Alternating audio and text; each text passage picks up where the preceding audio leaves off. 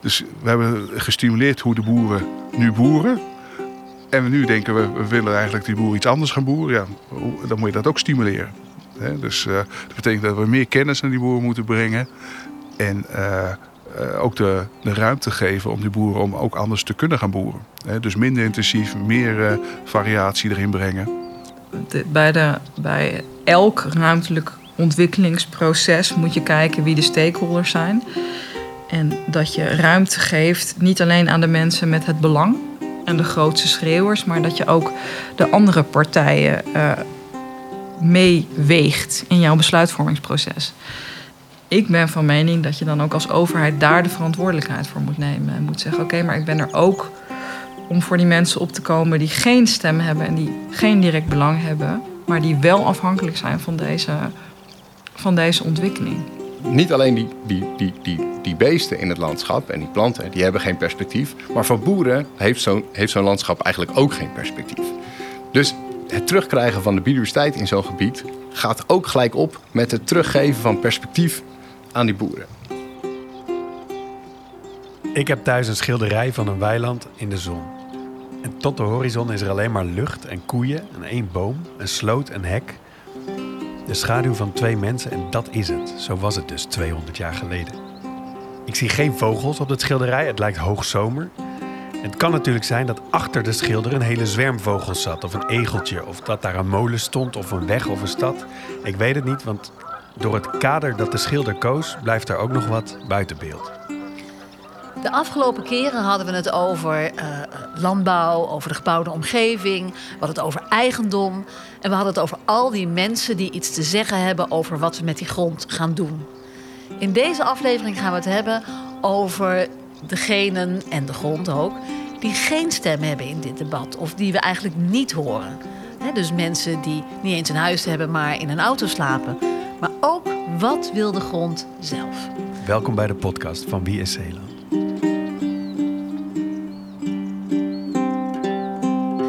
Ben Grootlieve Spaas en ik heb een tuin en ik probeer al jaren echt met alle mogelijke hulpmiddelen om een pioenroos te laten groeien in mijn tuin.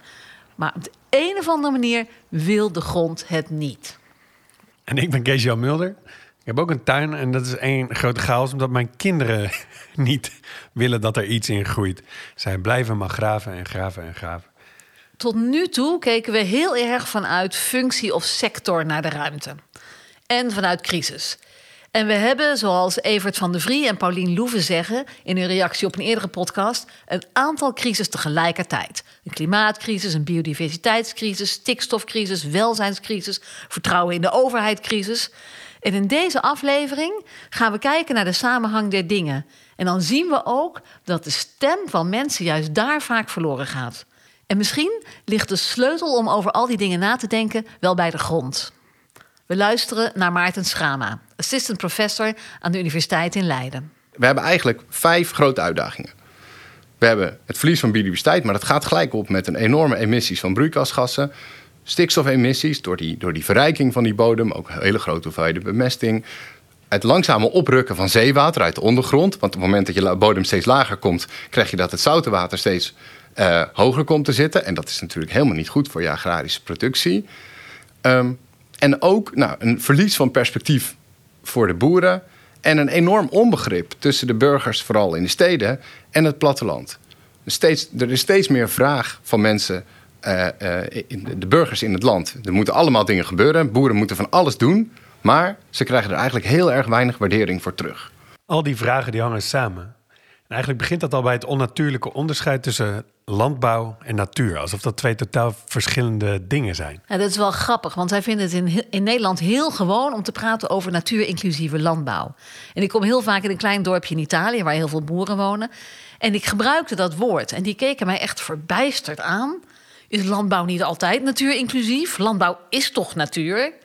De eerste uitdaging zit in ons hoofd. De uitdaging dat we, um, dat we de wereld ingedeeld hebben in landbouwgebieden en natuurgebieden. En natuurgebieden, en als je een Nederlanders vraagt naar natuurgebieden, dan komen ze vaak met heideterreinen of berggebieden, alpenweiden. Dat zijn vaak oud landbouwgebieden, half natuur.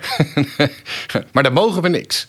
Daar mag je eigenlijk niet uit oogsten. Daar mag je niet op een of andere manier gebruik van maken. En dan hebben we aan de andere kant de landbouwgebieden, die vaak zeer monotoon zijn, waar, je, waar, waar, waar, waar niet van boeren wordt verwacht dat ze daar hoge biodiversiteit in het van. We waarderen ze er in ieder geval niet voor. Op geen enkele manier. Ze krijgen niks betaald daarvoor. En dus verdwijnt dat ook uit dat soort systemen. Dus we hebben de wereld in die twee onderdelen ingedeeld. En omdat het grootste deel van de wereld agrarisch is, verdwijnt dus al die biodiversiteit. En dat komt ook omdat we op dit moment beleid maken per sector. En we proberen dat wel steeds meer per gebied te doen. Dat hebben we het al over gehad hè, met de nieuwe omgevingswet. En dat betekent dat we vanaf nu dus ook kunnen zoeken naar oplossingen uh, voor het land in de bouw of in de landbouw. Of oplossingen voor de landbouw in het bos. Of oplossingen voor het bos in het landbouw. We luisteren naar Raymond Gennissen van de AZR. We hoorden hem ook in de eerste aflevering.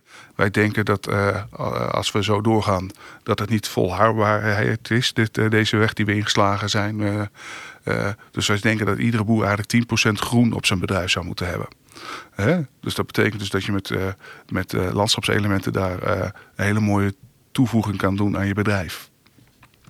Uh, uh, je moet zo zien, uh, 10% groen bij alle boeren op hun, op hun land is, levert veel meer biodiversiteit op dan één groot bos eh, creëren. Dus als al die boeren allemaal corridors aanleggen van beplanting of van akkerranden of gewoon wilgte, knotwilgen langs een perceel, levert dat veel meer biodiversiteit en toegevoegde, toegevoegde waarde van natuurwaarde dan er in één groot bos aanleggen. Als het gaat om biodiversiteit, dan kun je dat eigenlijk overal bereiken. En vaak met hele kleine interventies kun je hele grote veranderingen maken. Het kan ook gaan om een natuurvriendelijke oever of een natuurvriendelijke berm. Of gewoon een stukje, een randje. We keren nog een keer terug naar een oude bekende, dit keer Bas van Goor van Land van Ons. Knotwilgen bijvoorbeeld, daar zit dus in die schors zit iets wat voor konijnen en, en hazen heel, heel lekker en gezond is. Dus die knabbelen daarvan, nou ja, dat, dat zijn dus hele simpele dingen. Dat, ja, aan, de bovenkant, wij spreken, overal insecten uh, doen zich te goed aan, het, uh, aan, aan een knotwillig. Vogels doen zich te goed aan de insecten. Hazen, konijnen knabbelen aan de, aan, aan, aan de barst. Nou, top. Weet je, op die manier breng je leven terug in, in, in het boerenland. Ja, heel simpel eigenlijk.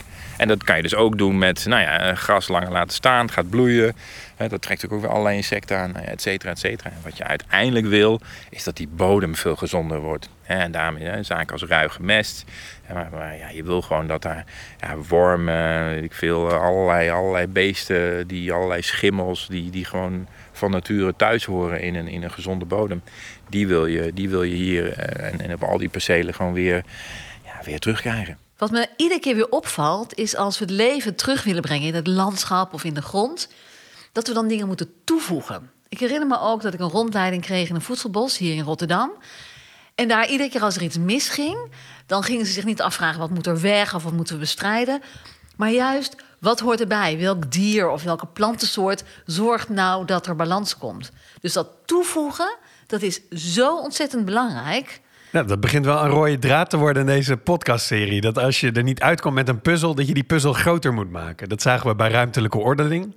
Dat zagen we bestuurlijk, maar dat blijkt dus ook ecologisch zo te zijn. Het moet groter en diverser worden om de puzzel te kunnen leggen, om het voor elkaar te krijgen. Nee, ook ook uh, denken wij dat uh, de, de bodemkwaliteit uh, omhoog gaat als je met landschapselementen aan de slag gaat. dat geeft een stukje dynamiek in de bodem ook. Dus uh, de landschapselementen slaan gewoon uh, CO2 op in de bodem. En daar profiteren die akkerranden allemaal van, of althans de landbouwgrond allemaal van. tevens, doordat je dus met een divers landschap gaat zitten, dus dat ook allerlei, allerlei insecten komen, die zorgen dat de druk op allerlei plagen minder wordt. Dus uh, wij denken dat dat uh, ook een toegevoegde waarde heeft uh, voor, de, voor de landbouw. Dus diversiteit is gezondheid, het is veerkracht, het, het brengt leven in de grond, de planten. En dus ook voor het landschap. En de hele infrastructuur, het grondwater, de waterwegen, de afwatering. Ja, biodiversiteit heeft dus met alles te maken. En om op dat water in te gaan, het is heel belangrijk dat de grond goed water op kan nemen. Een goede bodem die is als een spons die water echt opneemt. Maar als grond inklinkt, dan wordt het ja, haast als, als een steen waar het water langs drupt. Het neemt het water niet op. En waarom klinkt die in? wij zijn heel goed in water uit de grond pompen. En dat doen we al heel lang. Dat is niet iets van de laatste tijd. Maar met onze mooie molens uh, zijn we er al heel lang mee bezig. Uh, maar als je water uit de bodem pompt... Dan, um, um, ja, dan klinkt het in. Of eigenlijk vervliegt het gewoon. In de vorm van koolstofdioxide. Dus het draagt ook enorm bij aan broeikasgasemissies. Um, en, en, en, klimaatverandering en alles wat daarmee gepaard gaat. Maar het, het, belangrijkste is dat die bodem enorm inklinkt. En de enige manier om te blijven landbouwen in dat soort gebieden is harder pompen. Dus wat hebben wij gedaan? Wij hebben heel hard gepompt, zodat we nog harder moesten pompen. En zo hebben wij het, het, het land in, die, in de grote deel van, van West-Nederland meters omlaag gepompt. Dat is niet afgegraven grotendeels, dat is grotendeels omlaag gepompt. Dus molens hebben ons in staat gesteld om het land te laten zakken. En ook met dat zakken van dat land is, is die bodem beheersbaar gebleven voor de landbouw. Maar um, eh, dat is ook gelijk opgegaan met een langzame vermindering van de biodiversiteit in die systemen. Omdat die bodems ook steeds rijker werden. Want alleen je koolstofdioxide gaat de grond uit, maar je mineralen blijven in de bodem. Oké, het land zakt, het water stijgt. Uh, en dan hebben we een bodem die steeds rijker wordt aan mineralen. En daardoor minder. Maar dat is, dat is niet goed, rijker mineralen. Klinkt voor mij heel. Uh... Ja, dat zou ik ook denken. Maar dan kunnen dus weer minder soorten opgroeien. Dus je hebt niet alleen maar variatie nodig, zeg maar, wat er op de grond groeit, maar ook van soorten bodem. Dus we hebben niet alleen een hele rijke grond nodig, maar we hebben ook arme, droge grond nodig. Ook hier, alle variatie helpt. En dat dalen van de bodem heeft nog een ander effect: de zoute kwel. Je hoort Eme Slangen, die ons eerder al vertelde over de zeespiegelstijging. Nou ja, we hebben dijken. Uh, binnendijks is het leeggepompt. Of proberen we droge voeten te houden, proberen we het, het land droog te houden. Um, het gevolg daarvan is dat er, uh, als je aan de buitenkant van die dijk het water omhoog gaat, dat er water onder die dijk doorkruipt, doorkwelt. Um, en dat dus vervolgens aan de binnenkant van de dijk omhoog komt. En dus zorgt voor verzilting van het grondwater. Uh, waar we normaal gesproken, als we het niet zo mooi hadden leeggepompt, uh, gewoon zoetwater hadden om die druk tegen te gaan van, van dat zoute water, um, is die druk afgenomen omdat je dus al dat zoetwater weghaalt. Maar daarmee maak je ruimte voor het zoutwater. En hoe hoger die zeespiegel aan de buitenkant van die dijken komt te staan en hoe lager het land aan de binnenkant komt te liggen, hoe groter dat verschil wordt en hoe makkelijker dat zoutwater dus van buiten naar binnen kan stromen. Oké, dus we hebben verschillende grondsoorten, verschillende ecosystemen. Uh, allemaal naast elkaar nodig. En nu blijkt ook nog dat dijken, zee, polders, molens... dat elkaar ook allemaal nog enorm beïnvloedt. Het wordt super complex.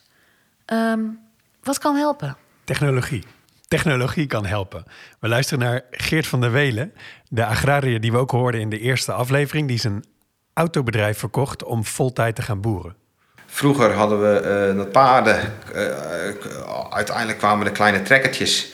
Tegenwoordig, met schaalvergroting, de, de, de machines worden enorm veel groter. Alles gaat, moet groot, groot, groot. Dat ga je terugzien nu in, in, in de bodem. Simpelweg, het gewicht van de machines drukt zo zwaar op die, op die bodem dat het gewoon dicht uh, wordt, zeg maar. En uiteraard, die bovenste 30 centimeter die ploegen we.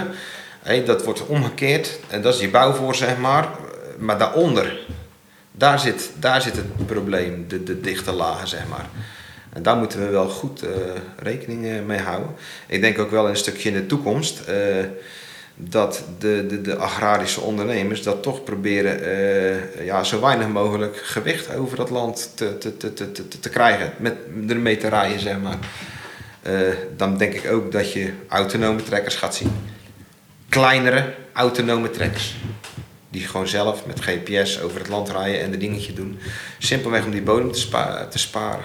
We doen, uh, wij doen daar zelf, zijn we er ook al actief mee bezig. Uh, wij proberen bijvoorbeeld, uh, nu zitten we in de tarweoogst. Daarna gaat er nog een laagje mest over de tarwe voor een groenbemester. die groenbemester die wortelt diep en maakt, is gewoon goed voor, het voor de bodem, zeg maar. Maar een we proberen dat ook in één keer te zaaien. Ehm, eigenlijk voor het zaaien zijn drie werkgangen nodig. Je doet eerst met de cultivator, dan moet je het fijn malen en dan moet je zaaien. Dat kan je, kan je drie keer over het land rijden, maar wij hangen die machines allemaal achter elkaar. Daar heb je ook wel een grote trekker voor nodig natuurlijk, dat is dan, maar die hebben we dan gelukkig. En dan doe je alles in één werkgang. Kijk, dat is, dan ben je toch indirect, direct toch bezig met milieu. Want je doet één bewerking. eh, bodem, je rijdt er maar één keer overheen. Dat zijn allemaal van die dingetjes. Ja, daar denk je niet bij na, maar toch ben je daar toch mee bezig, zeg maar. Met die bodem. Dus we hebben eigenlijk niet alleen bovengronds een ruimtecrisis met landbouw die ruimte vraagt, terwijl er ook andere dingen zijn die ruimte vragen, maar we hebben ook een ondergrondse ruimtecrisis. Dat er zoveel druk op ligt dat grond inklinkt eh, en dat, er, eh, dat de biodiversiteit afneemt. Eh, die, wel goed, dit opent wel mijn ogen voor nog meer ruimtecrisis. En, en dat betekent hè, dat we op een heel andere manier met die grond om moeten gaan. En met leven daarin en de mogelijkheden daarin. En technologie kan daar prachtig bij helpen. En onder andere, zoals Geert zegt, hè, om het minder erg te maken. Maar ook om juist op een hele andere manier landbouw te gaan doen. Ik bedoel, eh, hè, wat we vroeger deden, gewoon in het bos onze eh, eh, eten verzamelen. Onze bessen en onze noem maar op. Zou Dat, je dat was wel vrij arbeidsintensief. Eh, de- tenminste, ik, ik ben veel in Afrika geweest en dan eh, eh, eh, zelf ook geprobeerd om te ploegen met de hand achter een stel ossen aan. Dat is heel zwaar werk, kost heel veel tijd.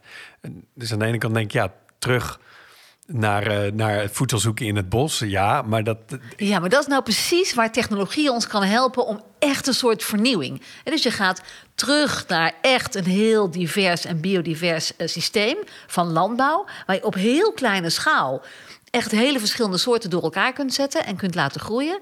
En dan niet alles zo arbeidsintensief maken dat je met de hand alles moet gaan wieden en gaan plukken en gaan oogsten. Dat kan je doen met kleine robots en drones. daar heb je dan de robots voor.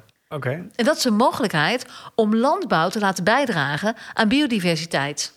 En ook een soort vorm van kleinschaligheid weer terug te brengen. Wat je ziet is dat, dat, dat in, eigenlijk in heel Nederland eh, eh, op enorme schaal alle weidevogels zijn verdwenen. Maar wat ook heel belangrijk is, is dat het aantal boeren met precies dezelfde hellingshoek is verdwenen. Die boeren zijn niet alleen die, die, die, die, die beesten in het landschap en die planten, die hebben geen perspectief. Maar voor boeren is, heeft zo'n landschap, heeft zo'n, heeft zo'n landschap eigenlijk ook geen perspectief. Dus het gaat er ook, die, het terugkrijgen van de biodiversiteit in zo'n gebied gaat ook gelijk op met het teruggeven van perspectief aan die boeren.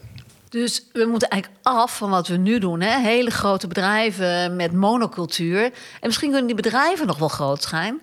Maar willen we juist die manier van verbouwen... daar die kleinschaligheid en die diversiteit weer terugbrengen. En dan krijgen die weidevogels ook weer een kans. En dan krijgt het bodemleven, de lucht, het landschap, het water... alles in één beweging wordt dan langzaam maar zeker beter. Dat klinkt heel goed, maar die omslag die zal niet 1, 2, 3 keer kunnen plaatsvinden. Want die boeren die hebben enorme schulden opgebouwd eh, voor de investeringen, eh, voor die grote trekkers waar, waar we het net over heeft. Eh, om dat nu voor elkaar te krijgen. Plus de marges op voedsel zijn zo gigaklein dat er ook niet direct uitzicht is dat je, dat je zoiets kunt doorvoeren. Dat is volgens mij ook het punt wat Raymond maakt. Iedereen wil een, een bo- goede boterham verdienen, die boer ook. Die wil ook. eh, eh, en eh, het kan niet zomaar zijn dat alle, alle kosten die er gemoeid zijn met alle problemen die we hebben in, eh, in, in Nederland met, eh, met stikstof en eh, CO2 en, en, en op de boeren terechtkomen. Wat je nu eigenlijk wel ziet momenteel in de pers. Dat alle problemen die, die er komen, die komen door de boeren. Nou, dat is absoluut niet waar. Wij, de boeren in Nederland zijn zo opgeleid hoe ze nu boeren. De overheid heeft vroeger eh, door allerlei subsidiepotjes eh, gezorgd dat die boeren meer gingen produceren en eh, allerlei stallen mogen bouwen die we nu zeggen van goh, zijn die wel gunstig voor, voor het land. Dus we hebben gestimuleerd hoe de boeren nu boeren. En we nu denken we, we willen eigenlijk die boeren iets anders gaan boeren. Ja, dan moet je dat ook stimuleren. Hè? Dus dat betekent dat we meer kennis naar die boeren moeten brengen. En ook de, de ruimte geven om die boeren om ook anders te kunnen gaan boeren. Dus minder intensief, meer eh, variatie erin brengen. Ja, dus die hele taakomschrijving van boeren die is veranderd. In de jaren 50 hadden we ze de opdracht gegeven: maak zoveel mogelijk eten. En nu verandert langzaam die opdracht, lijkt het. Ja, volgens mij wordt die opdracht ook steeds complexer. Ik bedoel, ze moeten opeens alles. Hè. Ze moeten niet alleen maar eten maken eh, eh, of verbouwen. Ze moeten ook nog voor de natuur zorgen. Ze moeten ook nog zorgen voor het omlerend land. Ze moeten ook nog voor de waterhuishouding zorgen. Dus ligt een enorm complex probleem op het bord van die boeren. Ja, en nou is de vraag: moet dat dan alleen op het bord van die boeren blijven liggen? Of is hier ook een taak voor de burger, voor de consument? Uh, zeg maar, wie moet er nog meer mee veranderen als die opdracht voor die boeren verandert? Nou, ik denk dat iedereen mee moet veranderen, maar ik denk ook dat de opdracht, hè, we zeggen dat dat landbouw of boeren moet echt fundamenteel anders. Dat systeem moet om. En ik denk dat het systeem van consumeren, maar ook het systeem van onze economie, misschien ook wel om moet. En misschien zelfs wel, of dat weet ik eigenlijk wel zeker als wetenschapper, ook het systeem van de wetenschap. We gaan naar andere onderzoeksvragen. Maar dat is een gigantische uitdaging. Maar daarom is het ook heel interessant. Want in de wetenschap noemen we dat wicked problems. Zijn dit. dit zijn hele moeilijke problemen. En daarom lost niemand ze op. Maar zijn daardoor juist ook zo fascinerend natuurlijk. Wat zijn dat, uh, wicked problems? We luisteren even naar Anouk op het veld. Zij is een strateeg bij Philips Healthcare in de Benelux. Zo'n wicked problem die heeft een aantal kenmerken. Um, het is moeilijk te definiëren. Je weet eigenlijk niet met welk probleem je te pakken hebt. En heb je daar ook met elkaar het goede gesprek eigenlijk over gevoerd? Um, het kan niet worden opgelost in isolatie. Hè? Dus als ik iets doe, dan gebeurt er eigenlijk al meteen een hele blok aan domino-steentjes gaan dan om die je eigenlijk niet makkelijk meer rechtop kan zetten. Het heeft een integraal karakter. Um, het, de ene oplossing creëert dus mogelijk een ander probleem. Het is namelijk niet het idee dat je de slimste oplossing hebt, maar dat je collectief met elkaar besluit is, we weten het ook niet, maar deze actie lijkt ons het meest logische. Hè?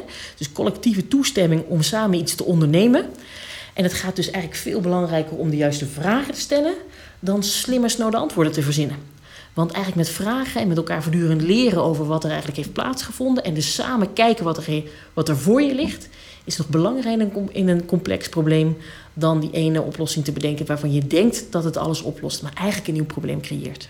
Ja, ik snap de theorie, maar zouden we daar een voorbeeld van kunnen verzinnen? Nou, moet je even luisteren naar Anouk. Die heeft daar een leuk uh, voorbeeld van. Ja, je, je moet dus nadenken over het bouwen van een huis. Stel, ik wil een nieuw huis bouwen. Dat is een, eigenlijk, dat zou ik typeren als een enkelvoudig probleem. Je maakt, uh, je maakt een ontwerp, je maakt een uh, maquette, je hebt een architect, je hebt uh, een bouworganisatie en die bouwen voor jou het huis. Er kunnen een paar dingen tegenkomen, maar dat, die kun je eigenlijk redelijk goed voorspellen. Typisch geval van een enkelvoudig, simpel probleem. Dan zou je nog kunnen zeggen, we gaan een huis verbouwen. Dat is al wat complexer. Je kunt van tevoren bedenken hoe je dat wil gaan doen, maar je komt wel eens asbest tegen, je komt de verrotte balkens tegen. Daar moet je iedere keer adaptief op reageren. Nou, achteraf, en ook ter plekke, kan je iedere keer wel nadenken. Oh ja, nee, ik moet hier even goed eh, op inspelen en ik moet nadenken welke stap ik nu zou gaan zetten. En terug kun je eigenlijk wel goed uittekenen wat je hebt gedaan. Dat is een gecompliceerd probleem. Eigenlijk zou je het complex probleem kunnen vergelijken met, een, met collectief een huis verbouwen. Dus dat je met een groep vrienden bedenkt is... oké, wij willen hier later samen wonen... en we gaan dit huis verbouwen tot de manier zoals wij dat eigenlijk zouden willen. Maar wat wij precies willen, dat weet eigenlijk niet iedereen dat zijn eigenlijk ook, er zit iets normerends in. Hè? Dus iedereen heeft verschillende belangen, iedereen heeft verschillende percepties over wat hij denkt dat je hebt afgesproken. Je komt onderweg nog eens een keer probleem tegen, dan moet je dan met z'n vijftien over gaan hebben hoe je dat eigenlijk op gaat lossen. En je, eigenlijk kom je steeds van kwaad tot erger in de volgende problemen terecht in dat collectieve huisverbouw. Dat is een complex probleem. En achteraf, weet je, kan je eigenlijk bijna moeilijk uittekenen wat nou tot welke actie, welke actie nou tot welke resultaat en welk effect heeft geleid. Want dat is niet meer lineair terug te herleiden. Typisch geval van complex, of ook wel in de literatuur wicked problems genoemd. Ja, dat zijn we dus hier aan het doen. Vragen ophalen om een beeld te krijgen van de complexe verbouwing, herinrichting van ons huis, de provincie Zeeland. Ja, daar wil ik nog wel aan toevoegen, want die vragen kunnen bijna niet complex genoeg zijn. En ik moet dan denken, dat is ook de reden waarom wij kunstenaars erbij halen. Omdat die ons ook uitdagen om andere vragen te stellen dan we normaal gezien stellen. En dan moet ik meteen denken aan eh, Arne Hendricks. Die ook zelf altijd zegt van, ik ben er om complexiteit toe te voegen. En zijn onderzoeksproject uh, gaat over uh, uh, groei en krimp. En hij vraagt zich af of het niet slimmer is om mensen gewoon heel klein te laten worden, dus zeg maar 50 centimeter, en zo de overvloed tegemoet te krimpen. Het is natuurlijk een idioot plan, want ja, hoe ga je dat doen? Maar tegelijkertijd brengt hij daarmee zoveel inzichten en zoveel ongemakkelijke vragen naar voren, waardoor je echt na gaat denken over je eigen manieren van consumeren, over je eigen manier van uh, materiaalgebruik, over hoe jij uh, jezelf hoe je je verhoudt tot uh, de grootte van een pompoen, zeg maar.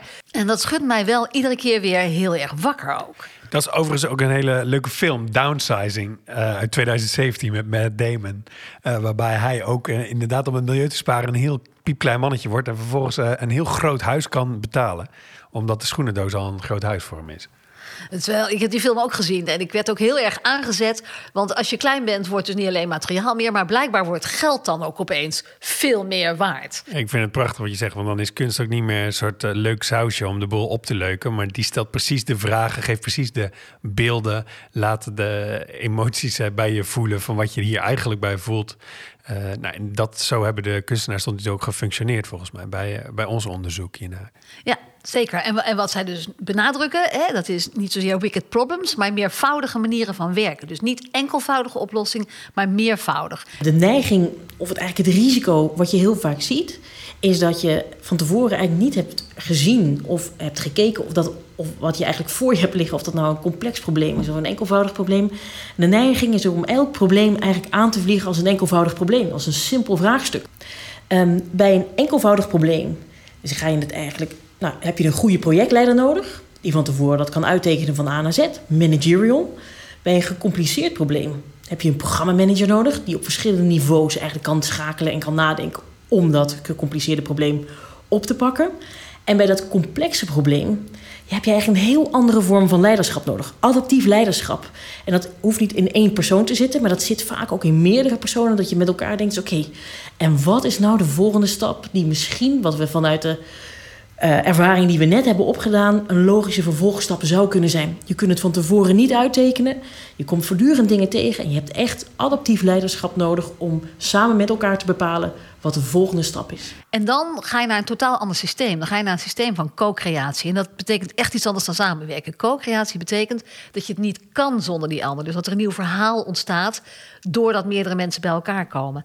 En adaptief leiderschap, ja, weet je, tegen mijn studenten zeg ik altijd: er zijn vier nieuwe eigenschappen aan het uh, huidig leiderschap. Het is horizontaal, gedistribueerd, situationeel en nomadisch.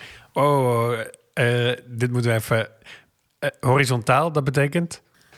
dat, we, dat ik niet boven jou sta. Hè? Dus we staan, we staan allemaal op gelijke voet. Ja. En werkt dat? Komen we er dan samen uit? je moet wel, want het punt is dat ik jou nodig heb om het voor elkaar te krijgen. Dus ik kan je negeren en jou iets opleggen, maar dan vind ik niet de oplossing voor dat meervoudige vraagstuk, want daar is jouw kennis in nodig. Ja, dus we hebben elkaar nodig. Dat nomadische, dat triggert mij, want ik denk, je hebt hier toch juist mensen nodig die geworteld zijn, die ook willen blijven op één plek en daar zich willen inzetten. Ja, dat klopt. Maar het, uh, uh, als je kijkt naar zo'n probleem, dat wordt vaak weer uiteengezet in verschillende deelproblemen die allemaal weer complex zijn. En dan heb je leiders nodig die van het ene naar het andere gaan. Dus die als een nomade tussen allerlei verschillende deelprojecten heen en weer lopen. En tussen allerlei verschillende partijen heen en weer lopen. Dus dat is wat ik bedoel met nomadisch. Voelt het dan uiteindelijk niet heel onbetrouwbaar omdat iemand op een, op een volgend plekje weer iets anders uh, zegt of met een andere oplossing komt? Zeg maar hoe. Nou, wat je zegt is, is super belangrijk. Uh, want wij zijn gewend aan leiderschap en wij vinden leiderschap betrouwbaar als we weten: jij bent altijd de leider. Als ik een probleem heb, kan ik bij jou terecht. En je bent er voor dit bedrijf en niet voor een ander. Dus we willen hele enkelvoudige loyaliteit. Mm -hmm. Als we echt met complexe problemen werken, dan werkt dat niet meer. En dat is ook een van de problemen waar de overheid tegenaan loopt. Als de overheid echt gebiedsgericht wil gaan werken, dan zullen ze de regie moeten nemen op een proces waar mensen horizontaal met elkaar samenwerken, op verschillende momenten aan de beurt zijn om leiding te nemen, op verschillende plekken met elkaar uitwisselen. En door onze oude manier van kijken naar de overheid, gaan we de overheid soms dan ook onbetrouwbaar vinden. En dat is een lastige positie voor die overheid. Ik probeer weer het concreet te maken van wat zijn dan de momenten waarop ik als burger een gesprek heb met de overheid. Ik, er zijn heel veel reacties geweest uh, op de website van Omroep Zeeland, ook op Facebook, uh, over de eerste podcasts. Er zijn uh, ideeën, er zijn suggesties gedaan. Ik zit wel te zoeken naar hoe, zeg maar, daar, er komen ideeën op. Wij, wij, wij, proberen die te verwerken tot iets waar de provincie ook weer wat mee kan. Maar als we nou nog concreter maken, waar zijn dan die ontmoetingen tussen mensen met ideeën en mensen met vragen en eh, de overheid. Is, Nou ja, in dit traject is dat typisch iets wat de provincie moet gaan vormgeven. En zolang de provincie zichzelf bij dit soort vraagstukken in de positie blijft te stellen dat ze of het antwoord overlaat aan de rest en zich erbuiten houdt, of degene is die het antwoord weet, komen we niet in de situatie van co-creatie op het inrichten van die ruimte. De enige manier om dat te doen is gelijkwaardig met elkaar in gesprek. En dan zit de provincie dus ook gelijkwaardig aan tafel en kan soms wel iets doen en kan soms niet iets doen, zoals elke andere partij. dat integraal werken aan een wicked problem, eh, dat doet Martin Wiersma eh, door eh, met initiatief Dorpen voor Morgen te kijken hoe een klein dorp kan bijdragen aan de grote vragen waar we voor staan. We spreken hem net buiten Goes bij C. Hendricks Kinderen. Ja, ik denk dat de vraagstukken van vandaag eh, zo complex zijn dat het alleen maar eh, integraal opgelost kan worden. Ik noem wel eens het voorbeeld als wij, eh, als we die energietransitie hier eh, in, in een klein dorp gaan doen. Ja, dan, dan, dan moet je nou, gaan nadenken hoe je die warmtevraag organiseert. Nou, daar moet heel veel voor gebeuren. In, misschien moeten er nieuwe leidingen in de straat of moet eh, nou, van alles nog wat gebeuren. Maar je moet ook de hittestress gaan bestrijden. Eh, dan moeten dus de bomen in de straat en die gaan ten koste van andere dingen. Bijvoorbeeld van parkeerplaatsen. En dan moet je ook gaan gaan denken over eh, mobiliteit. Kun je dan niet al die tweede auto's uit het dorp vervangen door twee of drie deelauto's? Eh, dan maakt het leven ook leuker. Maar dan doe je weer dingen samen. Dat is de kern van leefbaarheid, dingen samen doen. Het mooie wat Martin doet, is gewoon door een plek te kiezen. En, en niet zo'n hele grote plek, maar een dorp. En van daaruit te gaan denken. En dat is super handig, want als je die complexiteit pakt en je gaat echt voor een heel land denken, dan kom je er niet meer uit. Ik moet bijvoorbeeld denken aan een, eh, een simulatie. Dat hebben ze echt twintig jaar geleden of zo eens gedaan. Lieten ze teams werken en allerlei interventies doen in een fictief ontwikkelingsland. En eh, wat ze dan deden is, ze probeerden iets en ze zagen niet meteen een effect. En dan deden ze nog iets en nog iets en nog iets. Het werd steeds groter. En wat je dan zag is dat opeens al die effecten van al die ingrepen tegelijkertijd kwamen. Waardoor ze nog grotere ingrepen gingen doen. En uiteindelijk werkt dat niet. Je bent op onbekend terrein, dus je moet stap voor stap gaan en steeds kijken wat er gebeurt. Afbakening door plek is een supergoed idee. Een andere afbakening die ook veel gebruikt wordt, is gewoon op thema. Lara Brand legt uit hoe ruilverkaveling, hoe daar juist al die verschillende dingen, al die verschillende belangen bij elkaar komen rond één manier van werken. Buiten de bebouwde kom heb je die eh, kavelruil en die herverkaveling... die erop gericht zijn eh, om op gebiedsniveau ehm, veranderingen in te zetten. En waarbij dus ook heel bewust gekeken wordt naar wat is de rol van de eigenaar... en wat is het beste model. Dus daar wordt ook echt aan gerekend van eh, welk model doet het meeste recht aan belangen van iedereen in het gebied. Dus je kiest de beste of de minst slechte optie. En de mensen die onderbedeeld raken in grond of in waarde, die worden dus ehm, schadeloos gesteld in het proces. Dus dat is een hele uitgebreide koffer. Ehm, die we denk ik de afgelopen 15 jaar veel te weinig gebruikt hebben. Dus met name in de tijd van, eh, van Henk Bleker en zo eh, vonden we al die dingen, vonden we linkse hobby's en dat gingen we niet meer doen. Dus dat hebben we allemaal losgelaten. Dus die koffer het buitengebied is volgens mij vrij compleet en ook een beetje ondergewaardeerd. Daar mogen we echt wat meer mee gaan doen. Ik denk in die tijd dat het minder populair werd, dat het ook te maken had met dat, dat natuur als minder belangrijk werd gezien. Dus in die tijd hadden we nog eh, de ecologische hoofdstructuur. En dan hadden we robuuste ecologische verbindingszones in zitten die ontwikkeld moesten worden. Eh, en dat kostte natuurlijk hartstikke veel geld. Want dat betekende dat je soms agrarische grond moest onttrekken. Om daar die robuuste ecologische verbinding in te maken. Of de kaderrichtlijn water. Zorgen dat alle beken en watergangen genoeg ruimte hebben om die enorme stortbuien op te vangen. Dat zat allemaal vrij stevig in het beleid en daar moest je aan voldoen. En op een gegeven moment kwam er een fase dat dat blijkbaar onzin was. Dat voelde voor mij als een enorme, ook een soort afrekening bijna met de hele eh, natuurontwikkeling en de landschapsontwikkeling. Want dat deden we niet meer. Daar was geen geld meer voor. Al die robuuste ecologische verbindingszones, die werden gewoon van de kaart geschrapt. Nou ja, ik, ik vond dat zelf heel verontrustend. Laat ik het maar zo zeggen. Dat ineens de hele rol ook van de overheid en als verdediger van de waarden die niet zichzelf kunnen verdedigen, die werd gewoon geschrapt. Dus ja, de grond was van de eigenaar en die die, die deed ermee wat hij of zij ermee wilde doen. En dat was toch meestal gericht op een economisch belang. Ik vind ook niet dat je van mensen mag verwachten dat zij uh, um, zelf altijd bedenken van, oh, maar deze grond zou betere natuurbestemming kunnen hebben. Weet je, we zijn ondertussen ook aan het werken en we zijn aan het mantelzorgen en onze kinderen aan het verzorgen. Weet je, we betalen niet voor niets 52% belasting. Die betalen volgens mij om een overheid te hebben die bepaalde dingen juist voor ons doet. Ik vind dat mooi aan Lara, want in de vorige aflevering zei ze, of maakte ze zich hard om mensen die bijvoorbeeld uit de kofferbak van hun auto leven, hè, dus die nauwelijks stem hebben, dat we daar meer naar luisteren en, en die stem een plek geven. En hier doet ze datzelfde voor de natuur. Ja, want hoe geef je die natuur een stem? Of hoe versta je die? Of hoe verwoord je die? En hoe wordt dat meer dan een, decor waarin alles gebeurt? Uh, maar heeft de natuur zelf ook wat te willen? Daarover filosofeert de Franse filosoof Bruno Latour en Peter Paul Verbeek, internationaal vermaard hoogleraar techniek filosofie aan de Technische Universiteit Enschede, die vertelt daarover.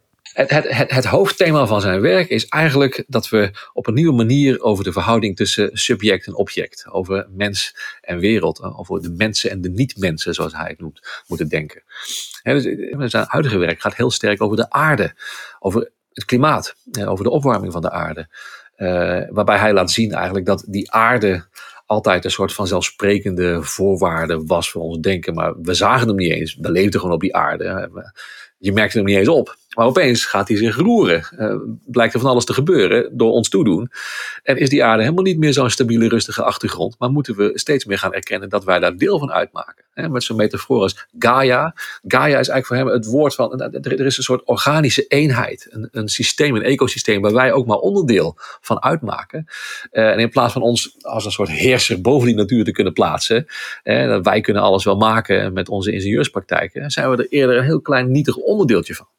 Dus eh, dat is weer een, een, nieuwe manier om die verhouding tussen de mensen en de niet-mensen vorm te geven. Het is heel leuk, want Bruno Latour stelt ook de vraag of wij uh, niet-mensen ook een stem moeten geven in ons democratisch systeem. De aarde, de, basis waarop we leven, bepaalt dus ook hoe wij denken, hoe we de wereld kunnen begrijpen. Maar het bepaalt ook, denk ik, uh, ja, hoe we keuzes zouden kunnen maken. Want het probleem is in zekere zin dat wij de enige zijn die in de politiek ook kunnen spreken namens de niet-mensen. Betekent ook dat wij um, uh, ja, die politiek van de dingen ook moeten uitbreiden tot een politiek van de natuur. En dan kom je weer op dat uh, thema terecht waar we het al eerder over hadden, dat er altijd een soort dubbele representatie is. Hè. De mensen en de niet-mensen worden gerepresenteerd in de politiek. En dan komt het erop aan hoe we zo goed mogelijk ook de niet-mensen kunnen representeren. dus in Nederland is er zo'n prachtig initiatief van de ambassade van de Noordzee. mensen die geïnspireerd door Latour uh, in naam van Noordzee, uh, namens de Noordzee, politiek willen spreken. De belangen, als het ware, als je het al wil framen als een belangenstrijd, maar in ieder geval het perspectief van de Noordzee en de bewoners van de Noordzee uh, op de politieke agenda willen zetten. Nou, dat is natuurlijk een heel ingewikkelde thematiek, want wij zijn nog altijd degene die dat dan op de agenda zetten. Dus je ontsnapt dan ook haast niet aan je antropocentrisme als het ware. Maar de kunst is om dat op een zo verantwoorde manier te doen dat we vanuit het geheel spreken. En in, ieder geval dat we onszelf niet meer uh, uh, bovenop plaatsen, maar dat we onszelf als onderdeel van het grotere geheel zien. Die ambassade van de Noordzee, dat is echt super interessant wat die doen. Uh, zij hebben als doel om te zorgen dat de Noordzee gerepresenteerd wordt bij ons in de Tweede Kamer en in de politiek. En ze zeggen van nou, dat kunnen we niet zomaar, dan moeten we oefenen. Dus ze hebben drie fases uh, voor de komende tien jaar uitgestippeld. En de eerste fase is dat we leren luisteren. Gewoon echt, wat zegt die zee? Dat doen ze samen met wetenschappers, met kunstenaars. Superspannend project. Het tweede wat ze gaan doen is zeggen, dan moeten we leren om in gesprek te gaan met die zee. Hè? Dus dat we kunnen uitwisselen. En tenslotte, als we dat goed kunnen, dan pas zijn we in staat om die zee ook echt te representeren in het parlement en in de politieke besluitvorming. En hoe ziet dat uitwisselen eruit? Want luisteren, daar kan ik wel een beeld bij krijgen. Van je kunt er kijken hoeveel leven erin zit en wat dat leven nodig heeft. Uh, maar dat terugpraten, hoe ziet dat er dan uit uh, concreet? Nou, dat weten ze nog niet precies. Maar de, een van de mensen die samenwerkt met de ambassade van de Noordzee is Arita Baaiens. En Arita Baaiens heeft een algoritme ontwikkeld om de stem van de zee te vertalen. En dan kan je een vraag stellen aan de zee. En zij is zowel wetenschapper als kunstenaar. Uh, en dan geeft die zee ook antwoord. En dat zijn, ik schrijf met Arita, of ik schrijf eigenlijk met het algoritme van de zee. En ik stel vragen aan de zee over de nieuwe economie. En die zee die geeft ja, hele poëtische, maar voor mij niet meteen begrijpelijke antwoorden. Wat, wat zegt Dus- de zee dan bijvoorbeeld terug als je iets vraagt? Wat? Pak, pak, pak er een mail bij. Ik lees even voor. We getuigenen de nieuwe reling op de juist-theorie. Krachtgebouwers die aan de bodem van het water op hun wortels maar een zeldzaam oude en met vrouwen wekkende gewassen zijn. Nou, de zee is al zwaar dyslectisch dan, of niet? Ja, weet je, maar ik, ik, dat is dus het antwoord waar ik het mee te doen heb. En dat is precies wat er zo interessant is aan uh, zo'n onwaarschijnlijke stem en zo'n onbegrijpelijke stem in een debat te brengen wat puur rationeel is zoals wij dat kennen. Um, en dan moet je er iets mee, of je nou wil of niet. En er is een experiment om dat ook te doen, bijvoorbeeld in boardrooms bij bedrijven. Om daar een plek uh, vrij te maken voor de natuur. En iemand spreekt dan namens die natuur. En vaak ik kan me wel voorstellen dat als je zo'n tafel hebt en daar zit dan ook een, een boom aan tafel. Uh, en je, hebt je, je zou je ook moeten verantwoorden tegenover die boom of tegenover die walvis of die ijsbeer die daar zit. Dat, is dat dan een beetje het idee dat je dan door daar tegenaan te kijken, dat je denkt, oh ja, die, die gaan ook iets voelen van, uh, van wat ik hier aan het doen ja, ben? Dat is, dat is precies het idee. En uh, Bruno Latour pleit er ook voor om daar fictie bij te gebruiken. Dus om ook kunstenaars en gewoon verhalen, zelfs uit sprookjes of uit mythen en zagen, om die te gebruiken om die stem te vertegenwoordigen. En, uh, en dan gaat Donna Haraway, dat is ook een filosoof die ook vindt dat wij met die natuur moeten samenwerken. Die gaat nog een stap verder en die zegt: je moet niet alleen die natuur aan tafel hebben, je moet ook de technologie aan tafel Ze hebben. naast de boom zit ook nog een robot uh, aan tafel in de boardroom. Ja, kun je je het ongemak voorstellen wat dan ontstaat? En dan is zo'n superwijze les van Donna Haraway. En zij zegt: het enige wat je moet doen is staying with the trouble. Dus wederom lange vergadering dan wel, of niet? Ik weet het niet. Ik denk dat ze eerder. Je moet oefenen en het kost altijd tijd. Dus ja, eerst lange vergaderingen. Maar uiteindelijk verandert volgens mij de toon van het gesprek. En verandert ook het besluit dat je neemt. Nou, dat kan ik me wel voorstellen. Ik heb, uh, ben wel eens bij filmviewings geweest. Uh, van een documentaire waar de persoon waar de documentaire over ging. Uh, niet erbij in de zaal zat. En er werd over sommige dingen heel erg gelachen. Omdat het grappig voelde. Maar op het moment dat die persoon er ook echt bij zat bij de viewing, was een andere viewing, werd het opeens aangrijpend. Omdat je er niet meer om kon lachen, omdat je dacht, oh, die meneer die zit erbij. En voor hem is dit echt zijn leven. Dus ik kan me wel voorstellen dat het uitmaakt dat op het moment dat die uh, uh, mensen, of nee, het zijn dus geen mensen, maar dat die stemmen mee gaan doen en dat je die serieus neemt, dat, dat je gesprek en de manier waarop je dingen hoort ook net even anders gaat klinken. Ja, en dan, en dan is de volgende stap dus dat je besluiten gaat nemen. En dat je daar dus ook naar gaat handelen. Hè? Dus dat er acties komen die daadwerkelijk anders zijn dan nu. En dan is ook de vraag: wie gaat dat betalen? Want wie, wie heeft er geld voor wat die zee nodig heeft en wat de aarde nodig heeft? En daar heeft Geert van der Welen ook wel een mooi voorbeeld over. Biodiversiteit doen wij behoorlijk veel actiefs aan. Uh, wij hebben uh, rond alle percelen grond bij ons 9 meter vanaf de slootkant, 9 meter landinwaarts akkerrand. Uh, waar insecten, vogels, wat dan ook in, in, in kunnen leven, zeg maar. En dat is natuurlijk een mooi. Niet iedereen doet dat, maar wij zelf doen daar wel in de biodiversiteit actief aan mee. En als het, kijk, we hebben natuurlijk nu, wij hebben 100 hectare grond. akkerranden heb je het over een 5,5 hectare. Dus dat is, dat is best wel wat, zeg maar. Hè? Stiekem nog genomen over het hele areaal heen, zeg maar. Dat is maar 9 meter randje, maar een 9 meter rond al die percelen, bij elkaar opgeteld, is het toch gewoon uh, 5,5 hectare. Ja, dat is, dat, dat is uiteindelijk vanuit de provincie een, een, een project. Uh, inderdaad om biodiversiteit te stimuleren. Daar staat uiteraard ook een subsidie tegenover. En dat is ook een van de redenen dat wij daarmee meedoen natuurlijk. Ja, als er geen subsidie tegenover had gestaan, dan hadden we dat niet gedaan natuurlijk. Zo, zo moet je het ook bekijken. Uh, het draait altijd heel veel om de portemonnee. Uh, ja, dat is eigenlijk een beetje de reden dat we daarmee meedoen. En gemiddeld genomen levert het, ja, levert het wel wat op, laat ik het dan zo zeggen. Ja, dus er moet wel altijd geld tegenover staan of eh, iemand, iemand die daarvoor betaalt. Eh, of je moet een hele sterke visie hebben en daar zelf voor willen betalen. Er zijn ook investeerders die eh, dat ook doen, die een rentmeesterschap serieus nemen. Voorbeeld daarvan heeft Raymond Gennissen van ASR, die zelf ook rentemeester is van beroep.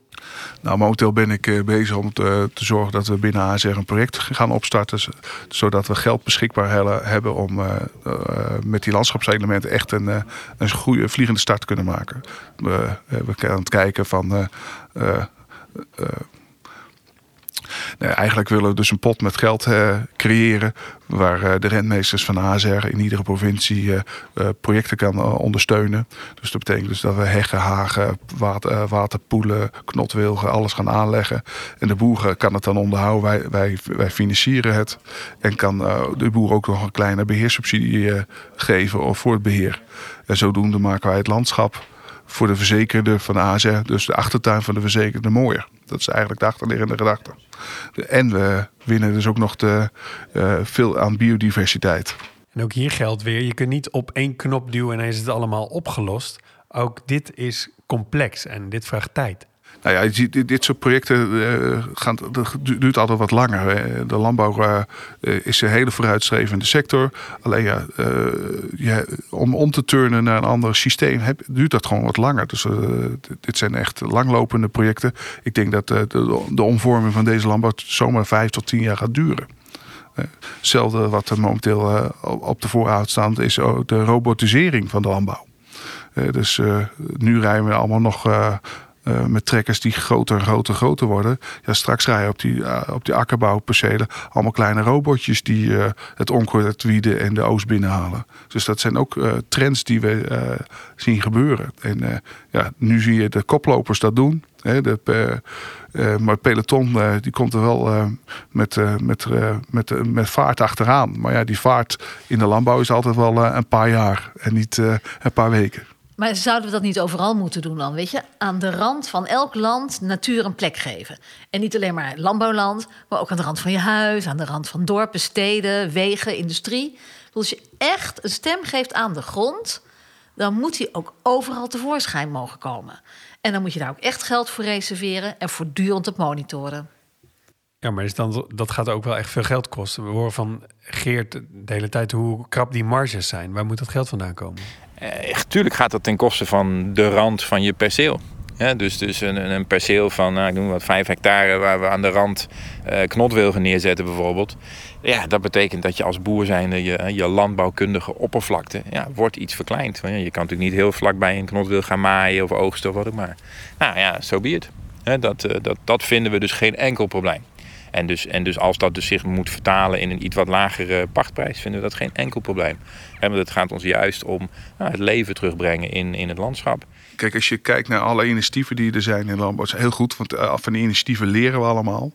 Alleen we zullen nu, uh, dat zijn eigenlijk de koplopers. Hè. Als je dat vergelijkt met een wielerrenner, dan heb je de, de, de, de, mensen die vooruitlopen. Dat zijn eigenlijk al de initiatieven. En om eigenlijk uh, het land vooruit te krijgen, het grotere, dan zul je het peloton mee moeten krijgen. En uh, ja, daar, daar, ja daar, daar, denken wij, als je met die landschapselementen aan de slag gaat, dat je het peloton mee gaat krijgen. En dat je dus echt substantieel uh, toevoeging, toevoeging uh, doet. Die, die initiatieven zijn goed, leren we heel veel van. maar we zullen het ook op grote schaal moeten gaan toepassen. En daar zitten we, zitten op te wachten. Daar zitten we op de springplank voor. dat gaat nu gebeuren. Oké, dus de land van onze van deze wereld, dat, zijn, dat is de kopgroep. Dan heb je het peloton erachteraan, ASR, clubs die wel willen. Maar wij, hoe voorkomen wij dat wij in de bezemwagen terechtkomen? Wat betekent dit voor burgers? Wat kan ik doen? Nou, bijvoorbeeld eens kijken naar hoeveel geld we eigenlijk uitgeven aan eten. Ja, als je nou naar een, in de supermarkt een pak melk voor 1 euro zoveel uh, gaat ophalen... en de boer krijgt maar een paar cent voor die melk... er zit er heel veel in de, in de keten. En uh, wat ook gebleken is, uh, dat we 30 jaar geleden betaalden we ongeveer 33% van ons inkomen aan, aan, uh, voor eten. Vandaag de dag is dat nog maar 11%. Dus links of rechtsom, we zullen als consument iets meer moeten gaan betalen voor ons eten. om ook dat weer, eh, om onze doelen die we graag willen met z'n allen. Dus uh, kringlooplandbouw, natuur inclusieve landbouw, ja, om dat te kunnen betalen. Dus er zou er meer geld naar die boer toe moeten komen. En dat moet vanuit alle kanten. Dus de melkprijs zou iets omhoog moeten doen. ASR kan misschien iets doen in zijn contract als we een mooie duurzame uh, erfwacht kunnen sluiten. Zou misschien iets van korting kunnen geven. Nou, een provincie zou iets in de, in de pot moeten doen. En zo heb je al die stukjes bij elkaar. zorg je dat, er, dat een boer die natuurinclusieve landbouw of die kringlooplandbouw kan realiseren. Waarom? Vraag me wel even af. Ik, ik snap dat de boeren meer geld moeten krijgen. Maar als de tussenhandelaars beursgenoteerde bedrijven zijn als Ahold uh, en als er ook mensen zijn die het helemaal niet zouden kunnen betalen als de voedselprijzen opeens verdubbelen, waarom uh, moet het daarin gaan zitten? Nou, ik denk dat het heel belangrijk is om goed na te denken wie precies welk deel krijgt van de prijs die wij uiteindelijk betalen. We moeten naar die keten kijken, toch? We moeten naar die keten kijken, we moeten heel goed kijken naar herverdeling. Maar we kunnen ook kijken naar wat belasting daarin doet. Heffen we belasting op frisdank of heffen we belasting op groenten? He, zeg het maar. Dus, dus er is ook een rol voor de overheid weggelegd. Hè? Wat gaan zij wel uh, betalen en wat niet? Uh, de overheid subsidieert natuurlijk die transitie. Maar uiteindelijk moeten we natuurlijk nadenken over een structuur waarin we de waarde van en voor de natuur borgen. En hoe we ruimte geven aan die stem en aan haar aanwezigheid. In die structuur moeten we volgens mij ook echt kijken naar wat we zelf als individu, als individuele burger kunnen doen. Ik vind het interessant wat Geert van der Meulen daarover zegt. We hoorden hem eerder in de aflevering over water. Hij heeft het over wie pakt welke verantwoordelijkheid in het watermanagement. In Nederland is na 1953 uh, eh, het oplossen van die problematiek uh, bij de overheid komen te liggen. Uh, men betaalt netjes belasting, maar weet vervolgens niet um, uh, verliest uh, alle verantwoordelijkheid uh, voor waterproblematiek en belt bij de gemeente aan als ze problemen ondervinden. Terwijl in zekere zin, zeker in de toekomst, als overstromingen, zeker door regen dan denk ik in, in eerste instantie uh, zal weer uh, vaker voorkomen. En ook bewoners van een stad, bezitters van een huis, spelen daarin een rol. Die kunnen beslissen om hun tuin niet met tegels vol te leggen, maar een gazonnetje aan te leggen. Die kunnen ervoor kiezen om een waterpijp aan een regenton te hangen in plaats van door te laten stromen. Ehm, dus ik denk dat in die zin de parallel tussen corona, waar men voelt uh, dat het belangrijk is om binnen te blijven, om mondkapjes te dragen, om handen te wassen, om niet met te veel mensen samen te komen. Uh, ja, bij overstromingsrisico is dat ons ontnomen. Zijn wij daarin heel uh, lui geworden, heel erg comfortabel met hoe netjes alles in Nederland opgelost is. En uh, nu klimaatverandering doorgaat en een crisis wordt in plaats van enkel een verandering, zou het in zekere zin fijn zijn als weer een deel van die verantwoordelijkheid gevoeld wordt. Hoeft niet volledig teruggelegd te worden, maar ja, toch weer dat bewustzijn uh, dat, dat dan uh, vergroot moet worden als collectief, niet als individu. En dus hij zegt belasting betalen is geen afkoopsom voor verantwoordelijkheid. Nee, dat klopt. En dat betekent dus dat wij als mensen ook onze eigen wicked problems onder ogen moeten zien. Hè? Ik bedoel, we moeten anders tuinieren, anders eten, anders wonen, anders leven, ons geld anders uitgeven. Meer aan voedsel, maar ook zorgen dat ons huis droog blijft. Of snelle oplossingen als het nat wordt. En dat kun je niet allemaal in je eentje. Daarvoor moet je samenwerken met je buren, met je straat. Dus, en bij die wicked problems zitten we eigenlijk allemaal met hetzelfde probleem. Of je nou de overheid, boer, bedrijf of burger bent. Je moet beslissingen nemen over met elkaar samenhangende dingen die je in je eentje niet kunt overzien. Laat staan dat je ze in je eentje kunt betalen. En waarvan we ook niet precies weten hoe die oplossingen zullen uitpakken. En dan zie je dat sommige van die oplossingen ook nog een stevige offers vragen. Bijvoorbeeld boeren die een deel van hun land verliezen. Geert vertelt daar mooi over. Um ja, nu heb ik vaak het idee dat uh, zo'n boer uh, niet uh, respect krijgt voor uh, de, de schikking die hij uh, moet treffen. Terwijl heel Nederland kan, moet zo iemand dankbaar zijn. Dus daarom is het zo belangrijk dat die, dat collectief bewustzijn is, is, is stap één. En dat hoeft niet volgend jaar gevestigd te zijn, maar dat is wel iets waar we denk ik aandacht aan moeten besteden dat dat groeit. Eh, door verschillende eh, niveaus van de samenleving. Daarom denk ik dat, dat eh, klimaatleer op de basisschool, middelbare school eh, heel belangrijk is. Ja, dus het is aan de ene kant het eren van de mensen die dingen proberen of die stappen zetten. En aan de andere kant ook eh, mild zijn voor als het niet in één keer lukt.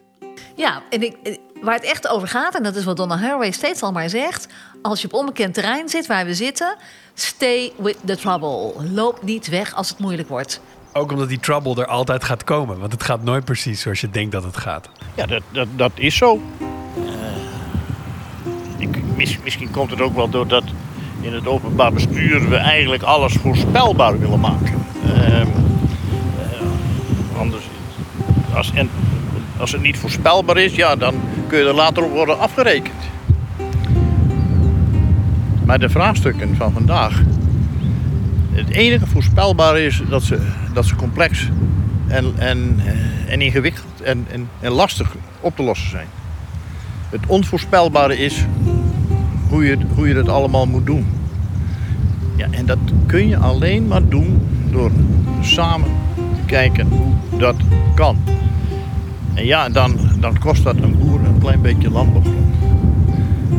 Maar als je daardoor een grotere waterberging krijgt en minder last heeft van de droogte, what's the problem?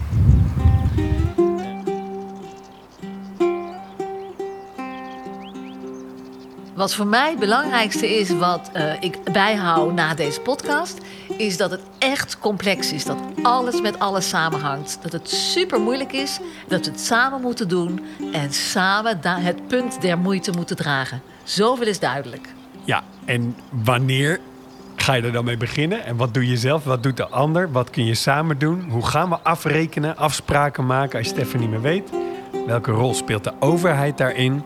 Mail je ideeën naar eh, de provincie Zeeland of reageer op onze LinkedIn-pagina van Wie is Zeeland. Dit was alweer de ene laatste aflevering van onze podcast van Wie is Zeeland. In de volgende aflevering gaan we in op jullie reacties. En gaan we kijken of dit daadwerkelijk de laatste aflevering is, of dat we door jullie reacties daar toch anders over gaan denken. Deze podcast is een autonome productie van de makers en werd mede mogelijk gemaakt door de provincie Zeeland. Als deel van een groter project waarin we op zoek gaan naar nieuwe instrumenten voor grondbeleid. Interviews en montage werden gedaan door Allard Amelink. Muziek is van broeder Dieleman. En het doel van deze podcast is het gesprek over de toekomst van het land en de rol van het eigendom aan te zwengelen en om jullie te inspireren. En hopelijk is dat ook deze keer weer gelukt. Tot de volgende keer.